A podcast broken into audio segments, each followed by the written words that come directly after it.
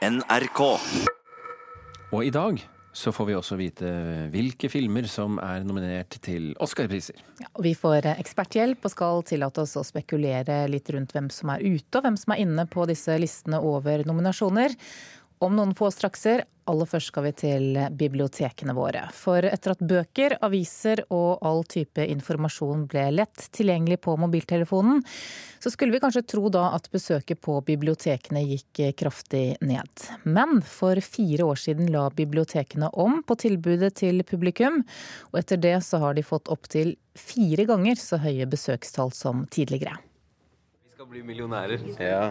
Det kommer eh, snart. Det er litt, eh, det er litt hemmelig. Så det er drømmen.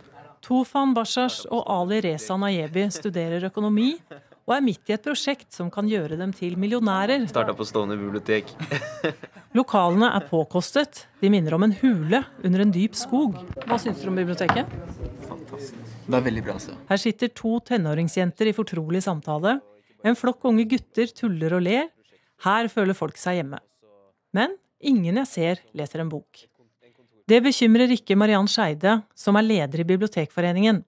Hun er veldig glad for at hun ikke driver bibliotek sånn som før.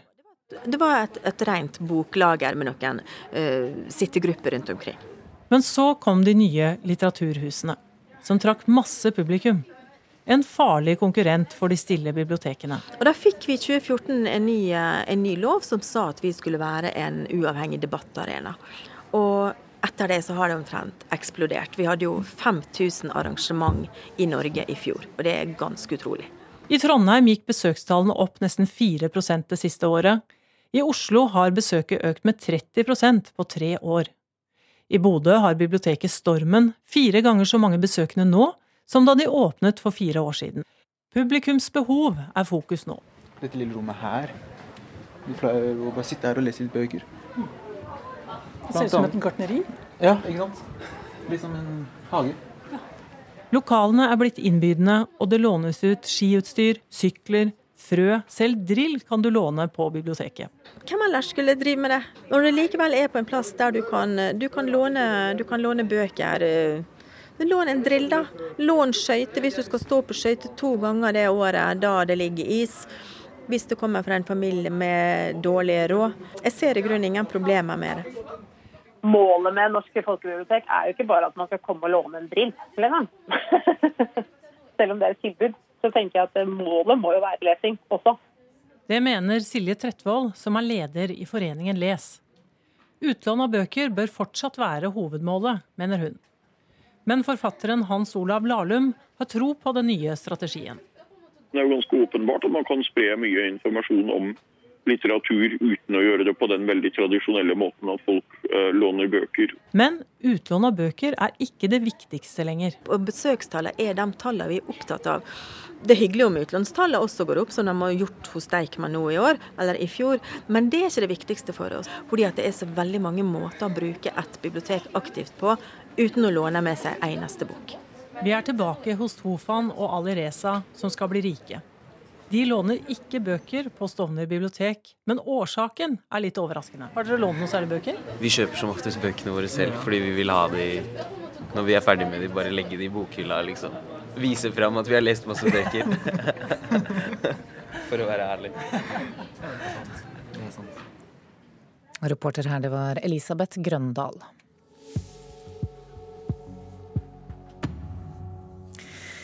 Hvilke filmer og hvilke skuespillere kommer til å få mest oppmerksomhet under Oscar-utdelingen om en drøy måned? I ettermiddag får vi iallfall vite hvilke filmer og skuespillere som er nominert i de ulike kategoriene.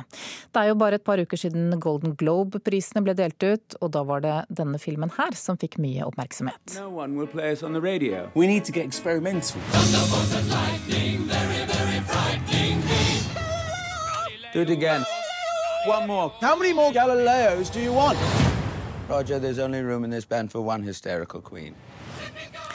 Det er altså fra Bohemian Rhapsody, som ble tildelt prisen for både beste dramafilm og beste hovedrolle under Golden Globe. Kulturredaktør Mode Steinkjer i Dagsavisen og filmkritiker i Aftenposten og redaktør i bransjemagasinet Rushprint Kjetil Lismoen, god morgen til begge to. God morgen. God morgen. Hvilke filmer eh, begynner med deg, Mode Steinkjer, hvilke filmer kommer til å gå igjen når disse listene blir offentliggjort i ettermiddag? Det er ikke noe selvfølgelig at det er de samme filmene som var i Golden Globe og som gjorde seg gjeldende der. Eh, jeg tror nok at vi kommer til å se Bohemian Rhapsody på, på listene også i, Oscarsammenheng, men jeg tror kanskje at det er andre filmer som vil komme høyere opp. Eh, jeg tenker nok at eh, meksikanske Roma vil kunne være en overraskelse. Til tross for at det ikke er en engelskspråklig film, så kan den også fint brøyte seg inn på listen over både beste regi og, og kanskje også beste film. I tillegg til at den da er allerede inne på den lange listen over eh, beste fremmedspråklige filmer. Ellers er det både Vice og Green Book og Spike Lees eh, Black Landsman som jeg tror kanskje vi vil se mer av. Elismoen?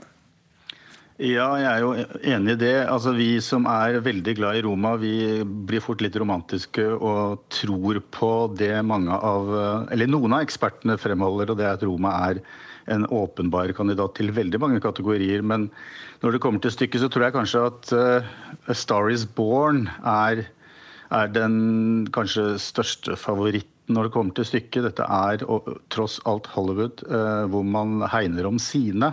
Uh, og jeg er, nok, jeg er enig med, med Modig at Bohemian Rhapsody er ikke den hva skal vi si, kvalitets prestisjefilmen som vanligvis får mange Oscar-priser, og da får jo de som er veldig glad i den filmen, tilgi meg.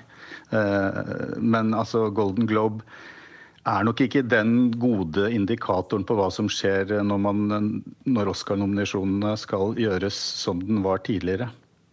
Går det an å si noe om hva slags eh, Oscarsesong dette her er? Jeg tror at vi kan eh, se en Oscarsesong som kommer på tampen av fjorårets Oscar, som var en veldig politisk uh, utdeling. Uh, den kom jo da etter metoo, og, og også på bakgrunn av den administrasjonen de har i Det hvite hus i USA. Jeg tror vi vil se mer av det. Og da tenker jeg at Black Clansman f.eks. vil kunne gjøre seg gjeldende. Eh, jeg tenker også at det er, eh, er andre filmer, og ikke minst eh, ting rundt showet som vi vil se da, senere, som, som vil peke mot at det fortsatt er et ganske polarisert samfunn, også et polarisert Hollywood. Både når det gjelder hvordan det skal ledes, og, og nominasjonene som kommer.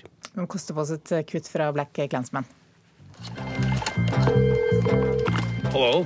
This is Ron Stallworth calling. Who am I speaking with? This is David Duke. Grand Wizard of the Ku Klux Klan. That David Duke? God. Last time I checked. What can I do for? Well, since you asked, I hate blacks. I hate Jews, Mexicans, and Irish, Italians, and Chinese. But my mouth to God's ears, I really hate those black rats. For to år siden så ble det jo bråk. Da var det vel ingen afroamerikanske skuespillere som var nominert til priser. og Det førte til at Oscar-akademiet måtte ta noen grep. Kjetil Ismoen, hva har skjedd siden den gang? Altså, De utvidet jo medlemsmassen relativt uh, heftig med, med, en god del uh, Hva skal vi si uh, altså, Det fikk et større multikulturelt innslag enn det det hadde hatt før. og så, og så heiv de ut noen gamle travere som ikke var aktive lenger. Hvorvidt det vil gi så veldig revolusjonerende resultater, det vet jeg ikke. Men, men, men, det kan de jo gjøre. Og det som er interessant i år, er jo at det er en viss sjanse for at for det første, en skuespiller helt uten erfaring foran kamera kan bli nominert og kanskje vinne Oscar-prisen for beste hoved, kvinnelige hovedrolle. Altså jeg tenker på Jalitza Aparicio i Roma. Eh, og så kan en kvinnelig eh, filmfotograf for første gang bli nominert. Eh, altså Da tenker jeg på Rachel Morrison for Black Panther. Så det, det kan skje, skje, ting her som, som kan bli historiske. Mm. Og den filmen 'Roma', vi må ta med det, da. Der har altså en nordmann, Kjartan Halvorsen, en eh, rolle. Det betyr at det er en ganske stor heiagjeng her hjemme også. Men Norges Oscar-håp, eh, filmen 'Hva vil folk si', kom ikke gjennom nåløyet. Fra de skandinaviske landene så er det bare det danske bidraget som står på kortlista i kategorien eh, beste fremmedspråklige film. Hallo. Til jeg med Iben? Hei, Skar. Har drukket? Nej, det, nej, det har jeg ikke. Ja, for helvede. Hvem er du sammen med? Iben ved personen, du er sammen med, du har ringet 112? Nei. Du er blitt bortført? Ja, filmen heter altså 'Den skyldige'. Hva kan du si om den, Mode Steinkjer? Er det noen mulighet? Eh, Man skulle jo håpe det, men jeg har mine tvil. Det er en type film man har sett før. Det er en thriller hvor fokus er på én skuespiller absolutt hele tiden. Og det er eh, veldig bra gjort. Eh, Fantastisk klaustrofobisk. Allikevel så har vi sett det før, og det er kanskje ikke den helt typiske nominasjonen for beste fremmedspråklige film. I hvert fall ikke når man ser på den øvrige lista her, som er full av sterke internasjonale titler som jeg tenker at kan komme høyere opp. Eh, Roma har vi jo nevnt flere ganger, den er også soleklar her, vil jeg tro. Eh, Men vi har også den polske Cold War, som vant eh, det aller meste av European Film Awards. Også den i svart-hvitt, i likhet med Roma, så det kan bli to svart-hvitt-filmer som er nominert der. Og så er det jo gullpalmevinneren Shoplifters fra Japan, som garantert vil være med her. Men når det gjelder norske innslag, så må vi jo ikke glemme at det er faktisk noen Oscar-eksperter som har fremholdt at Pål Ulvik Rokseth har en sjanse til å bli nominert. Altså Han hadde foto på 22.07, Netflix-filmen. Eh, Så det hadde jo vært eh, kjempestas om det skjedde. Ja, vi skal se opp eh, for ham. men Nominasjonene blir altså klare i ettermiddag. Og selve utdelingen av prisene den foregår søndag 24.2 på Dolby Theater i Hollywood. Den blir sendt direkte på fjernsyn i mer enn 225 land, ifølge arrangørene. Takk for at dere var med, Mode Steinkjer og Kjetil Lismoen.